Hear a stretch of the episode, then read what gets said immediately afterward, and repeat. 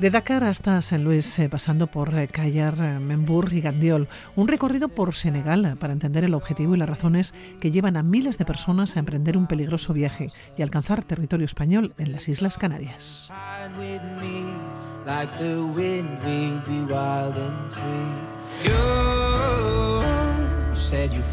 Y este es el recorrido que ha realizado nuestro invitado corresponsal de la vanguardia en África subsahariana. Nos ha enseñado los principales eh, puertos y puntos de partida de la última ola de inmigración africana. Xavi Aldecoa. ¿Cómo estáis? Bueno, eh, Xavier, te has embarcado en un recorrido en el que no solamente has encontrado lugares, sino que has relatado historias de vida, ¿no? De la de aquellos, aquellas que tienen que emigrar y las razones también por las que lo hacen. Sí, sí, al final han sido, de hecho, más, han sido casi 2.000 kilómetros por toda la costa, porque después de Senegal me fui a Mauritania, me fui a Sáhara Occidental, a Marruecos, y la verdad es que lo que me he dado cuenta es que aquí en este lado, o al menos en Canarias, nos interesan los que llegan, pero en el otro lado interesan sobre todo los que no llegan, y también interesan todas esas preguntas de qué es lo que les envía a embarcarse en, una, en un viaje tan peligroso como este del, del Atlántico, que es una de las rutas más peligrosas porque tienes hasta seis veces más posibilidades de, morir en un accidente, en un naufragio, que en el Mediterráneo central. En estos reportajes, además, eh, nos ha ido llamando, o me ha ido llamando la atención, ¿no? Algunas de las, eh, bueno, expresiones, ¿no? Que has ido utilizando, porque eh, Senegal, uno de los puntos de partida, y cuentas que allá hay historias de tristeza y de felicidad, de orgullo y de amor, pero sobre todo de distancia. Mm, sí, bueno, yo quise en, la, toda la cobertura tratar desde todos los puntos posibles, desde todos los prismas posibles en la migración, porque la migración tiene que ver con el movimiento, es cierto, pero también tiene que ver con el abuelo o la abuela que se quedan en Senegal y, asumen que no van a volver a ver a sus nietos, o las novias de estos chicos que se van y que mantienen esa historia de amor a través del WhatsApp, a través de los planes de futuro. Y eso también tiene que ver con la migración y, por supuesto, cosas que ya nos podemos imaginar más como esos accidentes que ocurren y esas madres que se arrepienten de no haber parado a tiempo a, sus hijos o, no haber adivinado en algunos casos esos planes ocultos que tenían de, querer marcharse. Que todo eso, ese, esa concepción humana, yo creo que tiene una, una importancia vital para entender lo que es la migración. Sí, porque tú te has ido encontrando con miles de personas que se embarcan en esos viajes, eh, que ellos saben que es arriesgado, pero que no ven otra solución.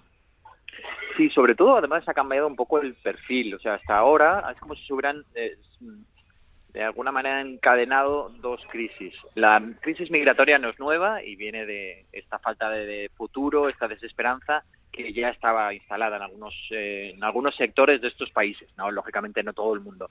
Pero es que además ahora, por culpa de la pandemia del COVID y el gran impacto económico, sobre todo, porque sanitario no ha sido tan grande en el continente africano, pero económico sí, cierre de fronteras, comercios, aumento de los precios de los alimentos, el turismo que también se ha parado, eso ha provocado un nuevo perfil de gente que hasta hace unos meses podía vivir bien con sus trabajos y ahora no tiene mm, red, no tiene otro remedio que intentar eh, pues emigrar o intentar buscar un futuro en las Islas Canarias en este caso. Bueno, uno de los jóvenes con los que te encuentras te dice, no tengo miedo al viaje, no hay problema, es España morir. Es una frase tremenda, ¿no? Indica la desesperanza además que tiene esta población. Sí, eso me lo dijo un, chico en, en Dakhla. Dakhla es una ciudad del Sáhara Occidental donde salen, ahora mismo es el epicentro de salidas, la mitad de los cayucos que han salido, pero hay estadísticas oficiales, según la gente que se encarga de acogerlos en Canarias, la mitad de esos cayucos han salido de, de, la, de Dakhla o las zonas de alrededor y ves un poco esa desesperanza, ese, esos jóvenes que no tienen o no ven un futuro en sus lugares de origen y se arriesgan a, a emprender este viaje y, llegar a Europa. Es verdad que muchos quieren venir, quieren trabajar y quieren regresar. O sea, ese componente de volver a las raíces, al menos por ahora, yo sí que lo, veo en la mayoría de ellos. Claro, tú comenzaste en Senegal o te empezaste a mover por Senegal, pero también Mauritania, con diferentes ciudades, ciudades que están muy acostumbradas, por ejemplo, ¿no? a convivir eh, con la migración, ciudades que reciben migrantes de otros países africanos y que son esos puntos de salida hacia Canarias, pero que van pasando en principio de un país a otro y tienen eh, o aportas ¿no? Eh, la sensación por lo menos diferente de aquellos que llegan a Canarias subsaharianos que de aquellos que llegan a Canarias que llegan que salen del mismo Marruecos, ¿no? Es, distinto, es diferente, llegan con distintas perspectivas y el bolsillo distinto también. Totalmente, sí. De hecho, incluso desde Senegal sí que se parte mucho hacia las Islas Canarias, pero es este el perfil más de pescadores, de gente que estaba ligada al turismo Mauritania, como decías, es, un lugar de paso, es un trampolín, podríamos decir, de muchos países subsaharianos, Mali, Sierra Leona, Liberia, guineanos, también algún senegalés, que están allí un tiempo. Algunos trabajan para regresarse a sus países y otros trabajan para seguir el camino hacia Canarias. Y como decías, este otro perfil diferente, además, de Marruecos, que eso no se nos estaba dando, al menos a este nivel hasta ahora, de todos estos jóvenes, además de zonas de alrededor de Marrakech, de Casablanca, ligados al turismo y también por culpa de la sequía, que ahora han visto su, su vida eh, afectada por, económicamente por la pandemia y han decidido probar suerte hacia Canarias. Claro, Xavier, cuentas muchas historias y estas historias que son historias todas muy bonitas, todas con un trasfondo, bueno, digo muy bonitas, pues son, son muy bonitas de leer, pero son de una tristeza eh, interior y de mucha reflexión, ¿no? Y entonces eh, hablas con personas, efectivamente, que no ven otra solución, que tienen que salir, pero hablas también con personas que se han quedado, ¿no? Hablábamos de la distancia. Eh, hablas también con traficantes, ¿no? O sea, has juntado de alguna manera, ¿no? En, los diferentes reportajes a todos los agentes de alguna manera, ¿no? De la, de la propia situación, ¿no? Del propio sistema. Sí, yo creo que es una la migración es algo complejo y necesita una mirada compleja y esa mirada cuanto más amplia sea, pues mejor considero porque claro es verdad que es tiene que ver con los que se van tiene que ver con los que se quedan los que se quieren a distancia pero también los que se benefician es una gran parte una parte muy importante para entender este fenómeno esta crisis de migratoria o crisis de acogida sobre todo porque es el problema sobre todo eh, que no somos capaces de acogerles como merecería cualquier ser humano pero es verdad que hay unos traficantes que se enriquecen hablé con Ahram por ejemplo era un hombre ficticio un chico de 27 años, chico normal, que podríamos ver en cualquier bar tomándose algo y que se había ganado 70.000 euros en dos meses enviando pateras a, a Canarias. 70.000 euros ya a nosotros nos parece una cantidad, una barbaridad en dos meses. Imagínate en Marruecos, en Marruecos donde la media de, de sueldo mensual serían unos otros 190 euros imaginaos lo que significa 70.000 euros en dos meses. Claro, pero es tremendo, ¿no? Porque es cuando valoras, ¿no? Cuando hablas con ellos, o por lo menos cuando lees, ¿no? Que es, que es mi parte, te das cuenta eh, de la situación eh, de vida que cada uno tiene, ¿no? Y cómo se valora la vida y la, muerte. Él mismo te dice que si la Unión Europea me paga, no envío pateras. Sí, yo creo que eso ya es una muestra de la desfachatez que... Absoluta, ¿no? Absoluta del, del traficante, pero también el sentimiento de impunidad, porque todo eso que estamos explicando ahora sería imposible sin otro dato que da él, que es que él por cada barco da unos 10.000 euros a la policía para que mire para otro lado. Claro. Entonces, esa impunidad, el, saber que todo tiene un precio, le lleva incluso pues a decir, a mí me da igual que me pagues, me paga la Unión Europea, yo dejo de enviar a, migrantes. A él le da igual el componente humano detrás, lo ve como un negocio y eh, al mejor postor. Sí, porque existe eso, es cierta connivencia ¿no? entre la policía marroquí y los traficantes, pero es curioso sacar dinero eh, de la pobre gente que no tiene nada, claro. Estamos hablando además que el viaje son 2.000 euros aproximadamente, ¿no? Claro, es que 2.000 euros no costaría ni un billete de business para ir desde Dajla hasta las Islas Canarias, son 450 kilómetros solo. Esta gente está pagando un precio brutal por arriesgar su vida en una barca durante 48 horas, que si hay un accidente un naufragio, están muertos. Así que hay que ponerlo todo en ese contexto, el, todas las grandes cifras que mueve este negocio y que favorecen a gente pues que no tiene ningún tipo de escrúpulos, desde el policía que mira a otro lado hasta el traficante que le da más o menos igual si esos tipos tienen un problema o no, porque lo que quiere es enriquecerse. Oye, qué sensación y qué cuerpo se le queda a uno después de ir charlando, porque claro, son muchas historias, efectivamente, historias muy diferentes, ¿no? Mm, ¿Qué sensación se te quedó después de hablar con, eh, con el traficante? Yo era algo de lo que estaba pensando estos días, ¿no? Uno recoge la historia, eh, pero no puede dejar de pensar o de sentir, ¿no? Sí, bueno, había, una parte de mí que vería, que veía un chico normal delante. Al final es un chico eh, muy joven, que, estaba allí, de, alguna manera la vanidad le llevaba, yo creo, a, querer hablar conmigo, porque si no tampoco tiene mucha explicación. Él se arriesga a que le pille la policía o él se arriesga a que le pillen los otros traficantes que no quieren que se hable.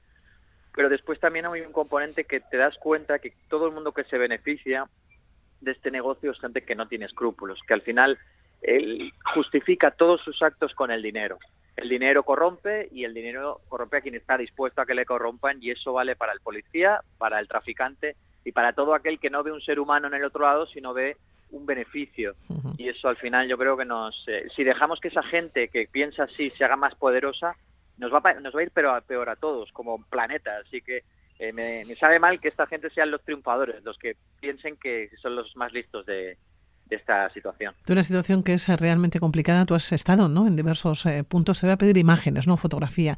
Hemos mencionado eh, casi la mitad ¿no? de los eh, casi 21.000 personas ¿no? que han llegado a Canarias desde enero, han salido mm, de este punto. ¿Cuál es la imagen? ¿Cuál es la fotografía? Porque es una localidad, ¿no? En realidad es una ciudad que no es muy grande. No, no, es con mucho 100.000 personas y de hecho tienes es una península pequeña que se mete en el mar, es una zona muy bonita, la verdad, pero contando 100.000 también un poco los alrededores, o sea, realmente es pequeño.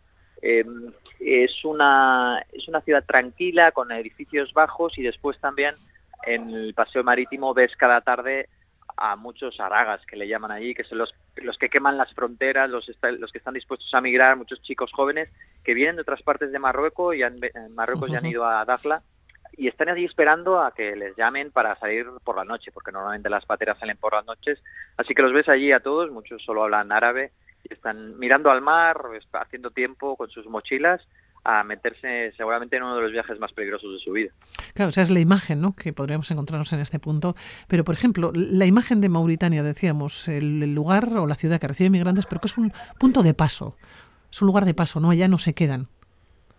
Sí, ahí, ahí te encuentras eh, a gente que está de paso, pero con la idea de volver, de, trabajar, porque la industria pesquera de Mauritania es enorme.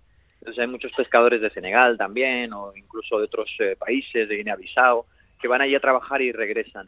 Pero sí que es un punto de trampolín, también porque tienen unas fronteras muy porosas y muy grandes que hacen que cualquier país de los alrededores, de Mali, de Sierra Leona, de Liberia, vea que hay un paso ahí más o menos franco hacia, hacia las Islas Canarias. Y eso hace que muchos trabajen durante un tiempo y en cuanto ahorren lo suficiente se van para allí.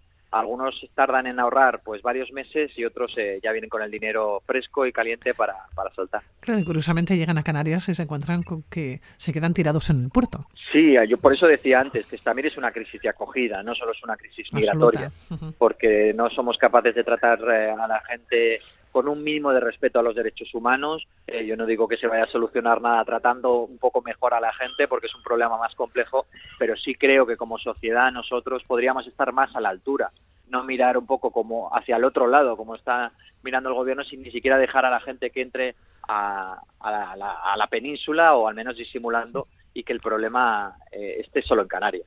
Bueno, los has eh, denominado como los migrantes de la COVID, son aquellos, aquellas que huyen porque no tienen absolutamente nada y como bien eh, decíamos, eh, bueno, no tengo miedo al viaje, no hay problema, es España o morir, ¿no? Eso, que es una frase que, bueno, que, que, la he puesto en mayúsculas incluso, ¿no? Para charlar contigo, porque sí que me, mm, me dejó con una sensación como muy, muy, muy extraña. Eh, Xavier, veremos más reportajes. Tú estás muy acostumbrado a viajar por África, conoces bien Senegal, conoces bien todos estos puntos. Claro, son reportajes que de alguna manera nos has ido contando historias, pero veremos más a lo largo de las próximas semanas, de los próximos meses. Sí, o sea, la, cuestión migratoria no va a parar aquí. De hecho, como mucho va a empeorar porque la situación de la pandemia no se ha acabado y ahora estamos hablando de vacunas, pero estamos hablando de vacunas para Occidente, para el primer mundo, digamos. A ver a quién les llega, ¿no? Sí. Claro, estamos hablando de una situación que, que no va a solucionarse ya en el continente africano y las injusticias, las desigualdades siguen ahí, porque una de las cosas también que te decían muchos pescadores senegaleses es que cada vez hay menos peces, porque cada vez hay más Mm, barcos grandes, industrias casi de mar con bandera internacional esquilmando sus aguas. Gente que hasta hace dos días podía dedicarse a pescar y podía salir durante unas horas faenaba y volvía con la red llena de peces, ahora ya no es así porque hay, mm, em, hay barcos franceses, eh, mm, españoles o asiáticos que están pescando, pero es que además esos peces a veces acaban siendo harina de pez, que es lo que, lo que alimenta al ganado de Europa o de Asia o incluso a las mascotas como por ejemplo peces de acuario. O sea que la injusticia también lleva a que esta gente no tenga otra opción y esto no se va a acabar mañana. ¿Esto es el germen de un nuevo libro? Bueno, ya veremos, no lo sé. Según mi editor sí, pero ahí me, va apretando. Yo, yo de momento estoy centrado en, trabajar, en intentar explicar esta situación lo maxi, lo mejor posible y a ver en, qué, en qué cristaliza, ya veremos. Puede ser, quizás. Tú viajas muchísimo, te volverás otra vez al África subsahariana. Seguro, a volver seguro, eh, ahora en Somalia y norte de Mozambique y, Uganda. Son tres viajes que tengo ahí en la agenda y a ver, nada, un placer, un abrazo fuerte. Lo mismo, Agur. Agur.